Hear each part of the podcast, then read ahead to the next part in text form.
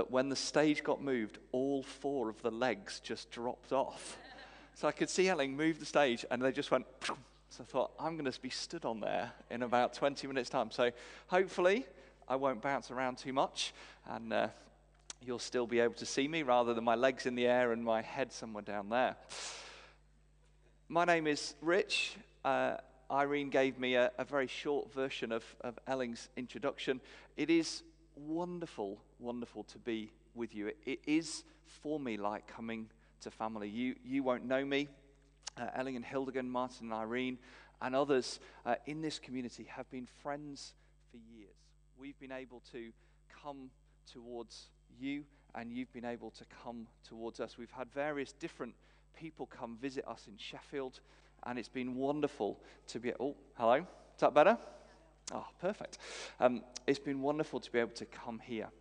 So, what I want to share with you this morning is just from one of the, the pivotal moments at the end of Luke's gospel. And I love it because it's a journey that we are experiencing as a family at the moment. Elling talked a little bit about our journey. We've spent 20 years in Sheffield. I came to faith, I became a Christian in Sheffield, and uh, over 20 years, I've learnt to read the Bible, live in community, share my faith, become a parent.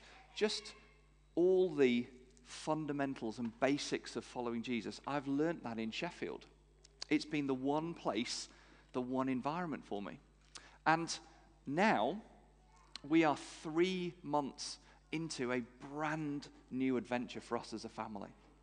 I'm married to a lovely wife, Anna, three children. One of them, Josiah, is here with me this weekend. We've had great fun. Uh, we've seen Viking FC Stavanger draw one all. We've been, yeah, it was, it was close. I thought they were going to lose, um, but it was good. Josiah's got a scarf. We've, we've gone 10 pin bowling with Elling and Hildegunn. They, uh, Elling, Elling is really good at bowling. If, uh, if, you, if you want to see him in his sweet spot, probably his greatest contribution to mankind, go bowling with him. He's awesome. It's great. We've eaten takeaway, we've done Indian takeaway, and probably the low point of our time with you uh, was uh, sitting through Arsenal my son's an Arsenal fan, losing 2 0 yesterday afternoon. So, apart from that, we've loved our time in Norway. and so, we are Sheffield, and we're moved to Edinburgh, capital city, um, centre of culture, Scotland, a, a wonderful, rich place of, of missionary endeavour, of literature, of, of culture uh, an amazing city. And we've gone there to be part of a local church, very similar to this one, that has the, the audacity and the faith uh, and at points the, the just blind optimism of saying, we're not just going to survive, we're going to thrive in this world. Whatever the culture says, whatever the world dictates, whatever the pecking order that we see, we're going to follow Jesus, we're going to be known by him, and we're going to make him known. We're actually not just going to survive and manage life until we get our ticket to heaven. We're actually going to take hordes of people with us. We're actually going to create heaven's culture and society and values right here, right now. And that's what I love. That's the, the shared journey that, that we're on with you in Stavanger. And that's what we've gone to in Edinburgh. It's what we lived in Sheffield, and it's what we're living and seeking to live now in Edinburgh. But the challenge of moving which is obvious to say, is that you're new. 20 years in one city with multiple different relationships, you know every, pretty much almost everyone and everything and all the different fixed points. And the challenge with knowing somewhere is that we are really good at going onto autopilot. Anyone else? We just, life just happens around us and we just kind of sail through and some's good, some's bad, some we like, some we don't like. Everything works, that bit doesn't work, but you're just kind of normal. And the story we're going to hear today in the final chapter of Luke is the same thing that we're experiencing at the moment. It's when, as a disciple, you're, you're jolted by events, the kind of nice, simple, known paths and patterns are just jolted and shifted and changed. And so at the moment, what I feel is I'm probably more aware and intimate in my relationship with God than I have been for years. And actually, it's just because my circumstances have changed. It's not because I'm more holy in Edinburgh, I'm more prayerful than I was uh, in Sheffield. It's not that I've suddenly kind of encountered a new wonderful album or the church's worship is wonderful. And it, it's just life is different.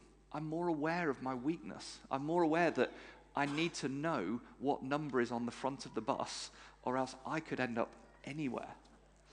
I, I know that I can't just walk into a room and know who's there and know, therefore, what probably needs to be done or said or, or helped. I just, there's just a face, it's just a list of names on an email.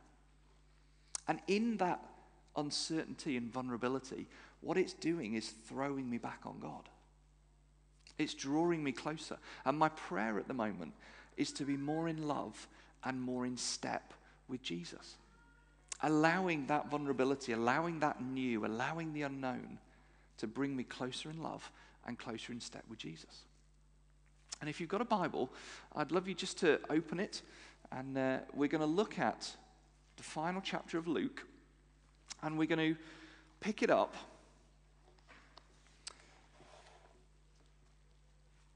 at verse 13. So we're, we're picking it up here where the disciples are in their second major life changing space. So, the first life changing space for them was their wonderful, ordinary, ordered, everyday lives, the trades that they had, the relationships that they had. Fisherman, tax collector. Those normal lives were turned upside down by the presence of Jesus. Yeah?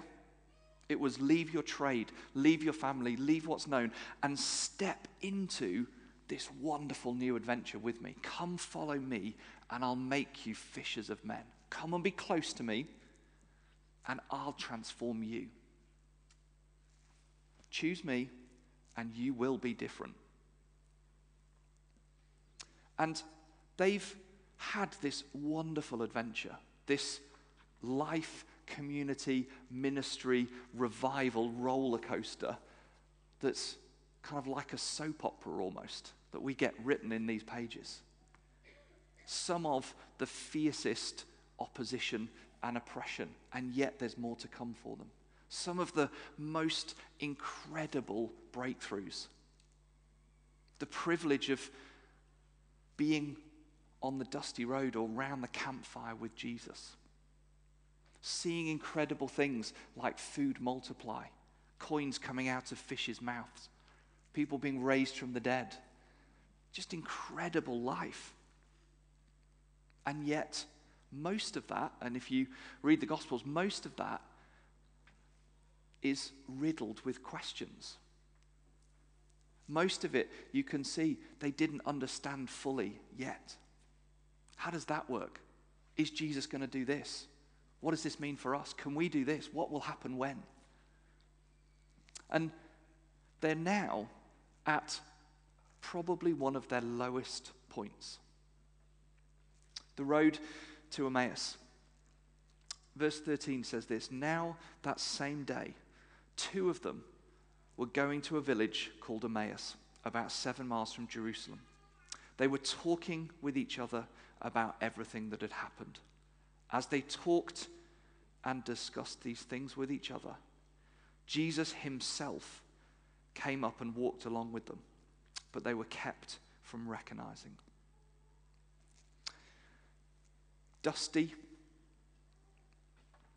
dirty road, journeying from one place to another, discussing hopes, dreams, hurts, frustrations. What just happened? I imagine is the headline. This is what we thought. We thought this upward Jesus trajectory would bring position or power or breakthrough. The kingdom come, the coming Messiah. We've waited. This is his moment. This is his moment. And he's gone. He's lost. Three days. What's happened? This wonderful roller coaster has just derailed, and they probably feel like they're plummeting sideways towards Earth. They've left everything, they've invested everything in Jesus, and it's not happened. Now, I would guess your Monday morning or Tuesday afternoon probably isn't as extreme as that. But I don't know about you, but I can really associate with these two. Being between A and B on the journey of life. It used to be like this, we think we're trying to get there. Questions. I thought it was going to work out like this. That, that happened, but where's Jesus in the middle of it? I thought we'd be able to do this or get better at this, or surely that will work. And it hasn't yet, or it isn't. I don't know about you, that's probably about 65 to 80% of my walk with Jesus. And what's amazing, and the first thing that I would want to share with you this morning is this Jesus joins them on the path. They don't find Jesus, He finds them. They don't have to journey towards a place to find Jesus. They don't have to find a, a, place of understanding to discover Jesus. They don't have to do the right maths or remember the right scripture or get to somewhere and Jesus is there. Jesus actually joins them on the path. And the reality is this wherever you are, whatever you face, however the stress, the challenge, however long it feels, or however big the drift has been, or even whether you're here and you don't yet know Jesus personally, He finds you on the path. You don't have to pick the right path, you don't have to get to a destination. He joins you. He joins you, He comes and walks alongside you. He found and joined on the path that guy whose foot was healed. And that person now gets to walk with Jesus. It's incredible. It gives me goosebumps. I love it. Jesus finds you. What would it look like to live this week knowing that Jesus walks with you? Not just in your head, but knowing that He walks with you. It's not that you walk your path Monday to Saturday, find Him at church on Sunday, wave, and then disappear off and, uh, and walk on your own again. He's with you Monday, Tuesday, Wednesday, Thursday, Friday, Saturday, Sunday. The old covenant was that the Holy Spirit was poured out on particular people, in particular places, for a particular purpose. We live in a new covenant world. We live in a relationship with Jesus where the Holy Spirit is poured out on all, for all, for the transformation of everything. Jesus finds you on the path, He's with you. And just think about this and moment of public confession for you. I don't know about you, but I behave better and I say the right thing or try to say the right thing when I know people are watching or listening. Anyone else? We call it being on your best behavior. Now, think about this our disciple friends who are on the path. They don't know that it's Jesus. So, if you're a disciple and Jesus sidles up to you, you want to give your best answer. You're like, I know, I'm going to impress him. Come on.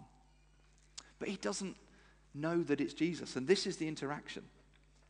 Jesus does this. He asks them, What are you discussing together as you walk along? They stood still, their faces downcast. they stood still. So here you've got these two guys walking along the path. He has to stop to be able to think. He's not able to think and walk at the same time. This is where scripture proves definitively that men can't multitask. This is it, women. If you forget, if you if you don't remember anything else I say, come back to the Gospel of Luke next time you want to. In love, of course, Christian love to edify your husband. Just remind him of that scripture. So he he's walking along. He goes, "Oh, I can't walk and, and think. Stop.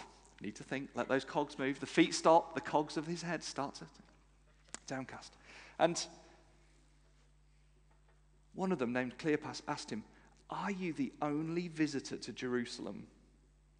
And do you not know the things that have happened in these days? Did you not see it on Twitter?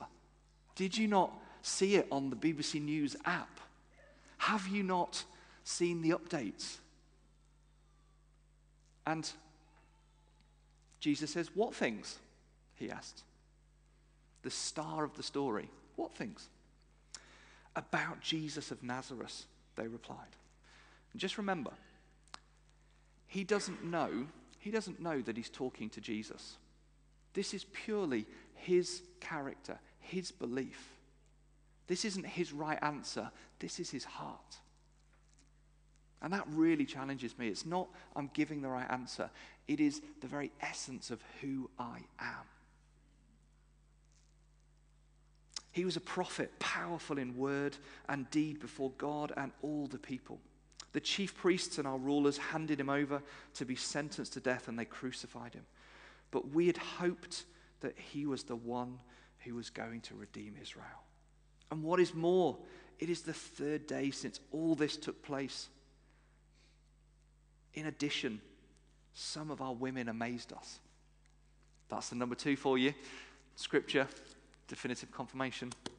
Amazing women. They went to the tomb early this morning but didn't find his body. They came and they told us what they'd seen a vision of angels who said he was alive. Then some of our companions went to the tomb and found him just as the women had said, but him they did not see. He said to them, How foolish you are, and how slow of heart to believe all that the prophets have spoken. Did not the Christ have to suffer these things and then enter his glory?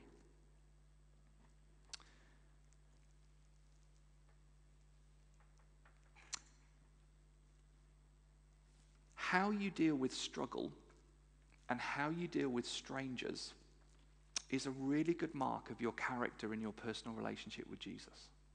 How you deal with struggle and how you deal with strangers is a really good mark of your personal relationship with Jesus because you're not on your best behavior. You've not got your Sunday best on, your Christian face. I'm fine, I'm good, God's good, we're good. Stop asking questions. These guys pour their heart out to Jesus. We thought he was the one. We saw amazing things, power in his deeds, wisdom in his words. And what is amazing for me in this is they get the world's best and still best Bible study ever. Because this is what Jesus does. And beginning with Moses and all the prophets, he explains to them what was said in all the scriptures concerning himself. Now, I guess Jesus knew scripture quite well. Can't really argue with that, can you? He, he probably knew scripture quite well. And could you imagine Jesus walking you through the golden seam? He is the golden seam through scripture. Could you imagine that? It'd be amazing, wouldn't it? It would beat Tuesday night with quiche and coffee and the scriptures open. It would be amazing. But they didn't, still didn't get who he was. So we, we read on.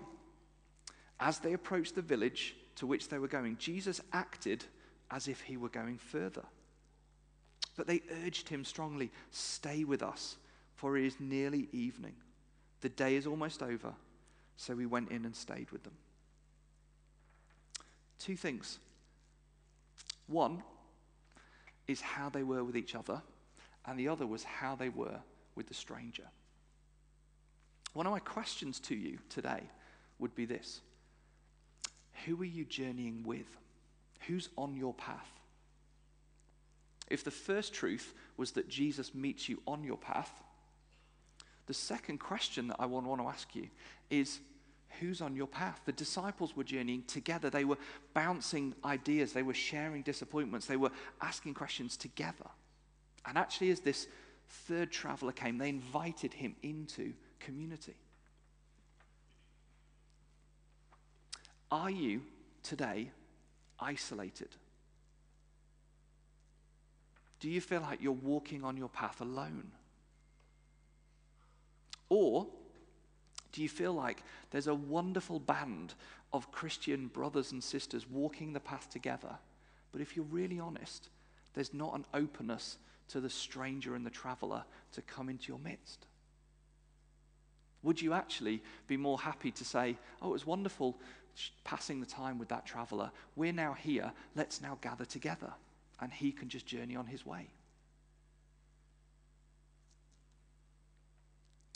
In my experience in, in the United Kingdom, the church is littered with lonely people and closed communities. Littered with it. Now, that's not judgment, that's just fact. We live in the most connected point in history, but levels of depression and suicide are higher than they've ever been a connected world with lonely people. And that's in the church and outside the church. That's not, we're great, we're fine in here, it's the world's problem. That's our problem as the body of Christ, let alone extending the kingdom, just edifying the body. Do we love each other? Do we share life with each other?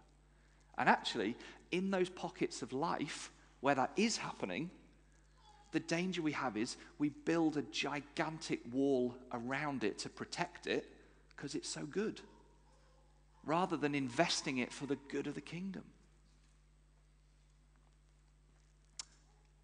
So, who is your fellow traveler?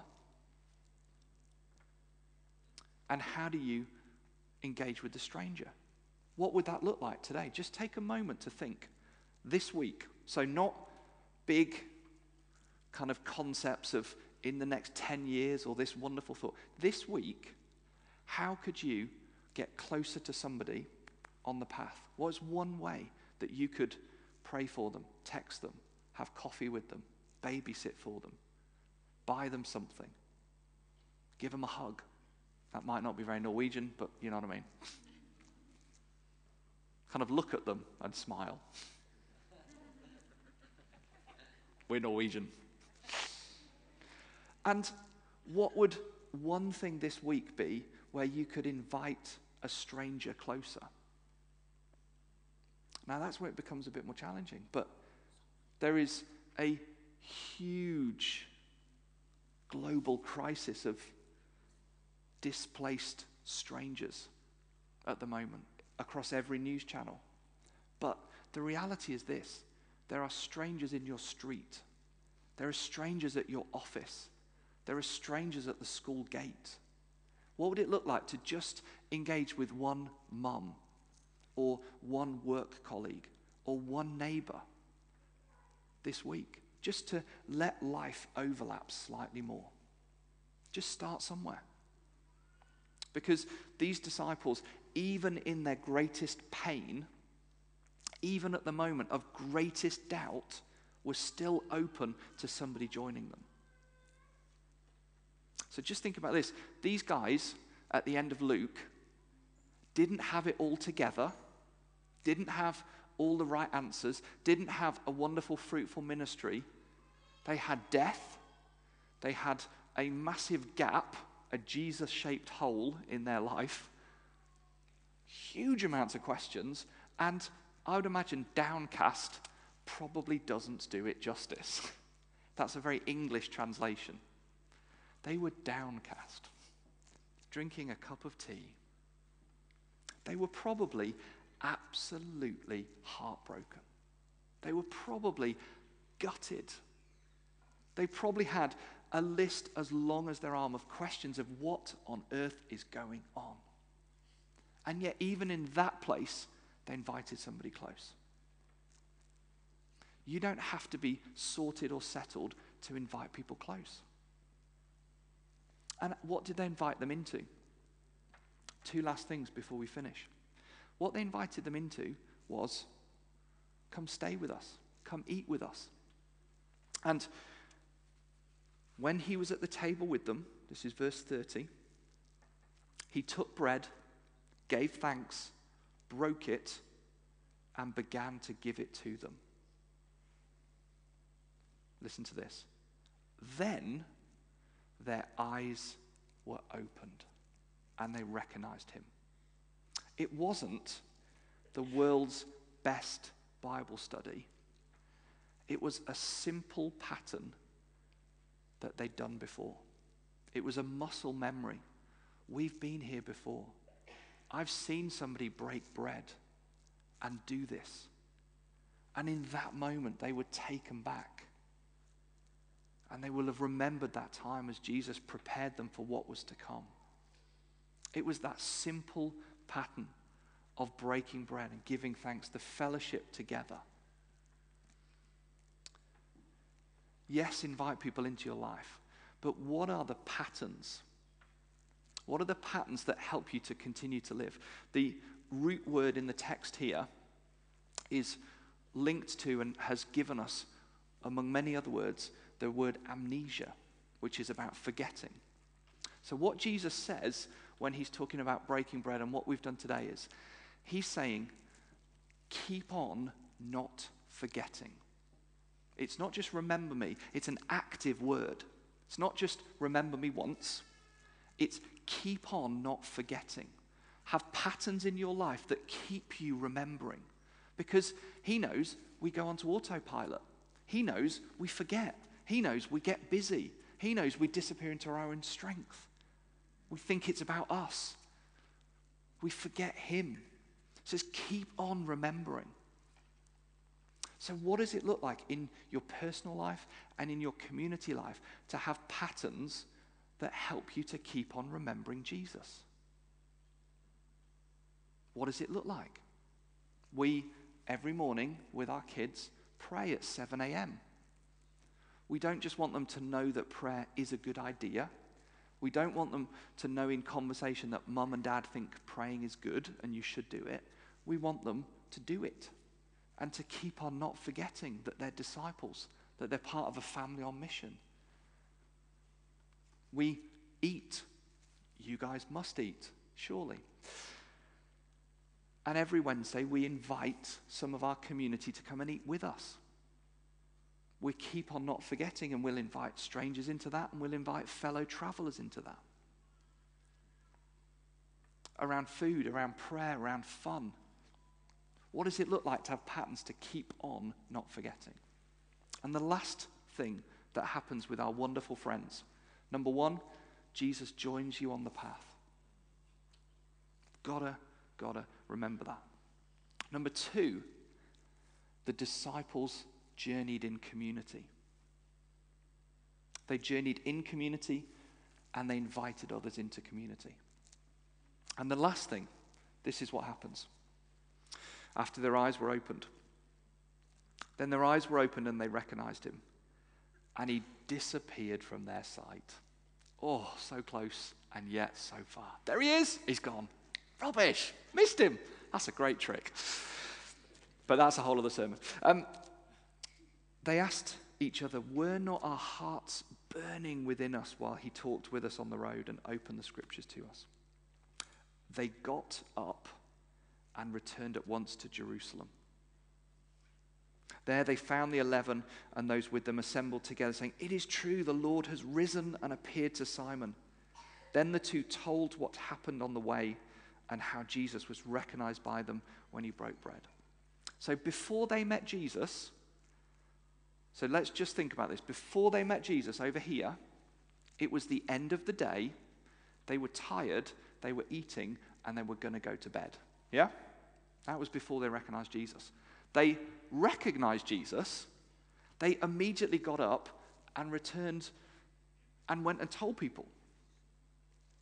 As we meet Jesus, the engagement and then the compulsion should be to tell people. Not the duty of evangelism, but the joy of our friendship with Jesus. It's not about what you should do, it's about what you want to do. And you're not sharing, say, an apologetic for the cross, you're sharing a testimony of God's resurrection in your life. And honestly, even if you think, I've got a list as long as my arm of struggles, there will be places where God is at work, has been at work, and desires to be at work in your life. Share them. Just share a thought about God, share a thanksgiving. This is what God's done, this is what I'm thankful for. My challenge to you today is this Who are you going to tell? Not because you should, but because you want to. And if you don't want to, ask God to break your heart. Because I can't convince you to go and tell people. And it would be no good if the only reason you went and told people about Jesus was because a fast talking, bald Englishman told you that you should. That's not exactly the best motivation for evangelism, is it? It's probably not going to be the most compelling engagement with your friends. Who are you going to go and tell? These guys were turned upside down as they met Jesus. They were turned upside down. Jesus met them on the path. They journeyed in community, and then they went and told others. Who are you going to tell? Just take a moment. I'm going to pray for us, and then I'm just going to give you the opportunity to come forward and be prayed for. And what I would invite you to come forward. You can come forward for anything, but the two specific things I would like to invite you to come forward to. Number one is do you want and do you know the need for Jesus to meet you on the path?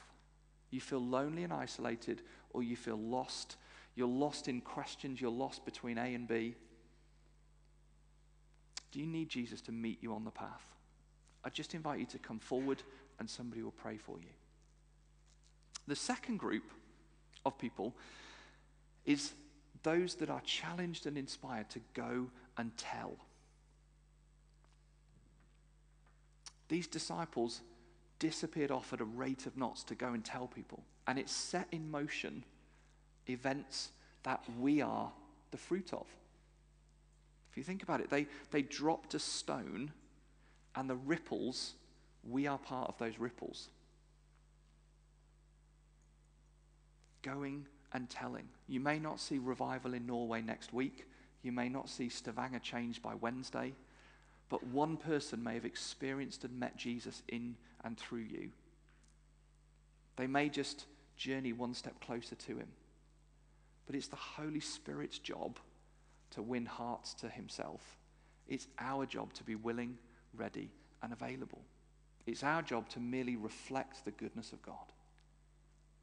So, where do you want to shine and reflect this week? Who do you want to shine and reflect with? Not the right answers, not the right life, just being there and saying, Lord, send me. Lord, use me. Lord, I want to listen and share. So, this second group of people, those that are stirred, where it says, my, our hearts burned, there may be just a sense of, I, I, I, I'm scared. I don't have the right answers. I don't have the right resources. I don't know how I'm going to do it. But I know I need to set off. Today is about setting off. It's not about getting it right. It's not about having all the details about the destination. It's not about having the right things in your rucksack. Today's decision is I'm going to set off towards. So if you want Jesus to meet you on the path, I'd love you to come forward and I'll pray for you and we'll pray for you. If it's about setting off to tell today, and that's, that's both of them are brave. But God is good and He's close and He's with you. So let me pray for us. Lord, we thank you for the incredible model of these two disciples whose life was jolted and turned upside down. And when all the fixed points were gone, they still came back to you, Jesus. But Lord, thank you that you met them. They didn't go to the right place. They didn't have the right answer. They didn't work out the right solution. You came toward them and journeyed with them. Lord, remind us of that when we feel lonely and isolated, when we struggle, when we think we're not good enough or haven't got it right. Lord, help us to journey together with one another and invite those strangers that cross our path into our lives. And Lord, as we meet you, as we know you more, Lord, inspire us again to share you with others. Not to hold on tight or to keep our head down or to step back, but to reflect your glory in this world. Lord, help us to set off to tell others today. I pray in Jesus' name.